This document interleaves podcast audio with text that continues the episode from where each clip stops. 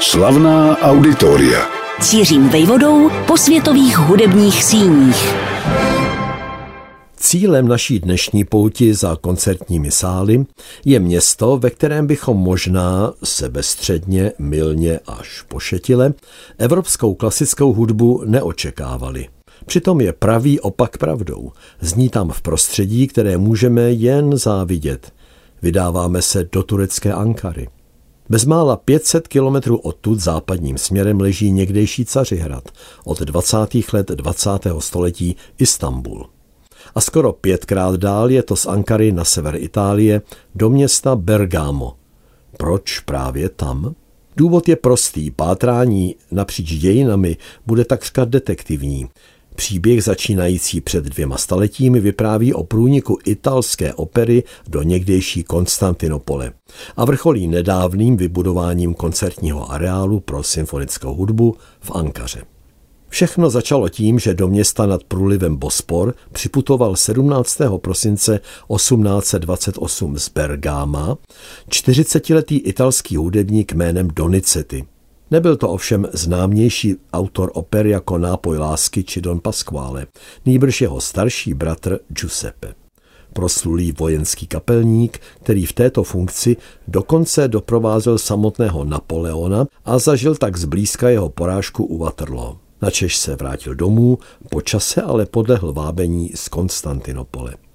Budoucímu sultánovi Abdulu Medžidovi sice bylo tou dobou teprve pět let, ale zamiloval se už jako dítě do klavíru, učil se francouzsky a podnítil svého otce, předchůdce na trůnu, k určité otevřenosti směrem na západ.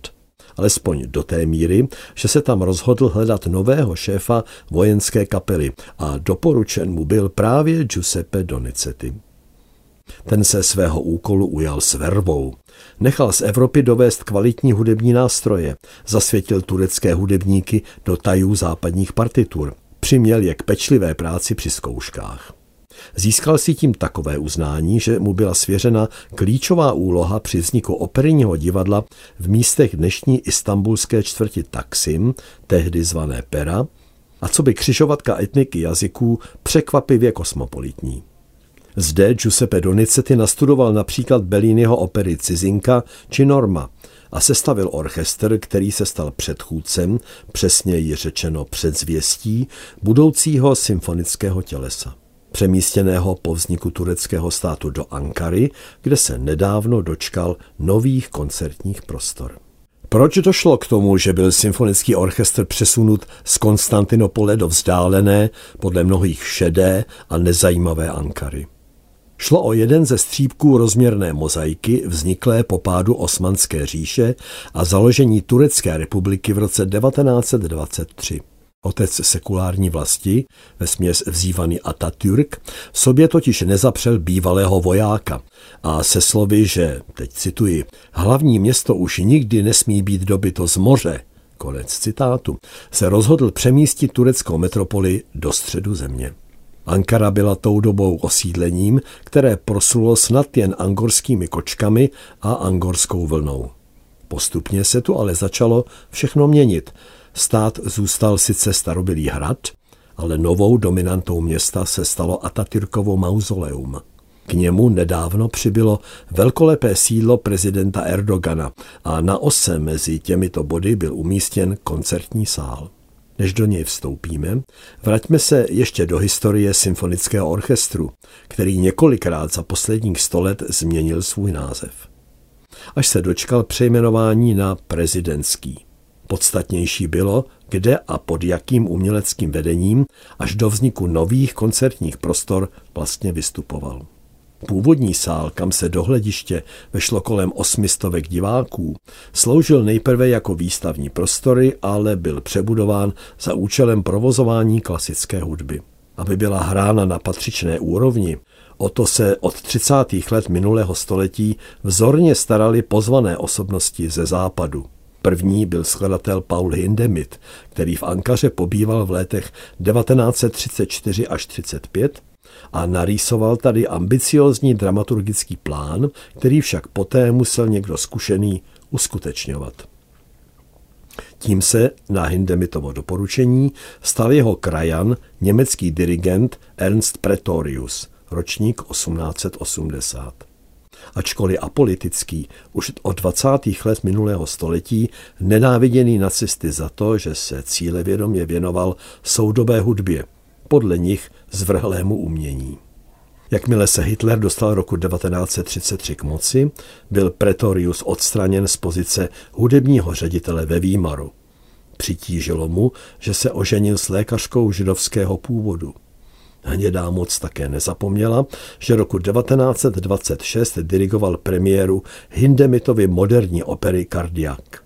Hindemit dirigentovi později jeho službu oplatil právě pozvánko do Ankary. Hlavního města Turecka, které se bezmála do konce druhé světové války chovalo politicky neutrálně. Ernst Pretorius a později i jeho paní tam mohli žít a působit v bezpečí. Psal se rok 1992, když se představitelé Turecka rozhodli vybudovat v Ankaře koncertní sál. Lépe řečeno ve stylu hesla Když už, tak už, dokonce koncertní areál, ve kterém nejenže budou sály dva, ale další prostor pro koncerty pod čirým nebem vznikne na ploše mezi nimi. Nikdo netušil, jak dlouho bude trvat, než se tento sen stane skutečností. Od záměru ke slavnostnímu otevření muselo uplynout 28 let. Mezitím se v Turecku vyměnilo, a teď poslouchejte, pět prezidentů, deset předsedů vlády a 20 ministrů kultury. Ale plán týkající se vzniku koncertního areálu prokázal nečekanou houževnatost. Ať byl právě u vládnoucího kormidla kdokoliv, nic se nezměnilo na tom, že zamýšlená investice do hudby, do kultury, se jednoho dne opravdu uskuteční. Květen roku 1992 byl pak svědkem vyhlášení výsledků Národní architektonické soutěže, do které se přihlásilo 640 zájemců. Porota vyhlásila vítězem projekt ateliéru bratří Ujgurových, který zaujal už tím, kam budoucí stavbu umístil. Důvtipně totiž navrhl využít prostor nikoli na okraji Ankary, ale pro luku v centru, tak trochu připomínající zanedbané území kolem pražského Masarykova nádraží, které se teprve nyní zaplňuje soudobou architekturou. A tak se začalo stavět na dohled od starého města, rozuměj čtvrti Ulus, severně od koncertního areálu, ale také výstavní části zvané Kizilaj, ležící naopak jižně. Daleko to odtud není ani do okázalého obchodního centra Ankamol z roku 1999, druhého největšího v celém Turecku. Brzy se ale ukázalo, že projekt není dostatečně zajištěn financemi. Budování se dokonce na několik let přerušilo. Čas plynul, až se na kalendáři konečně objevilo datum 3. prosince 2020. A za přítomnosti prezidenta Erdogana i dalších představitelů státu, co by hlavního investora, se odehrál slavnostní zahajovací večer. Jeho hlavní hvězdou se stala rumunská operní pěvkyně sopranistka Angela Georgiou. Příchozí tehdy poprvé obdivovali prostorné rozvržení celého koncertního areálu. Vstupní vysokou dominantou ostrých tvarů, která ční do dalekého okolí, se vchází do jedné z kupolí. Pravá, výrazně hmotnější, skrývá v sobě velký sál pro více než 2000 diváků levá, vzdušnější, jaksi sférická, v sobě hostí komorní sál pro 500 návštěvníků. Tyto odvážné kupolovité tvary jsou z obou stran lemovány budovami, které slouží jako zkušebny či administrativě.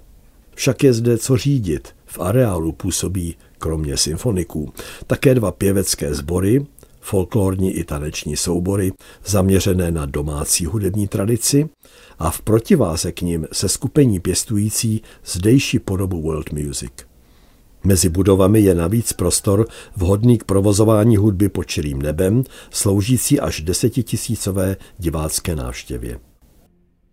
Pětimilionová Ankara má třikrát méně obyvatel než Istanbul a méně výhodnou polohu než Izmir – nebývá výlučným cílem turistů, ale požívá výhod, jejich smyslem je učinit z turecké metropole výstavní exponát. Bezmála futuristicky působící koncertní areál je toho důkazem. Bezpočet osobností se vystřídal v jeho velkém sále s pečlivou akustikou německého inženýra Wolfganga Fazolda, který se svého času podílel na úpravě lipského Gewandhausu a po spojení Německa přesídlil z Drážďan do Stuttgartu. Tady v Turecku v Ankaře koncertovali Jehudy Menuhin, Joaquin Rodrigo, David Oistrach, ale taky Leonid Kogan, Julian Rachlin či Maxim Vengerov. Samozřejmě domácí hvězda kláves Fazil Say. Dirigovali Aaron Copland, Paul Tortelier či náš Jiří Bělohlávek. Je mrzuté to stále připomínat, ale máme co dohánět. Slavná auditoria.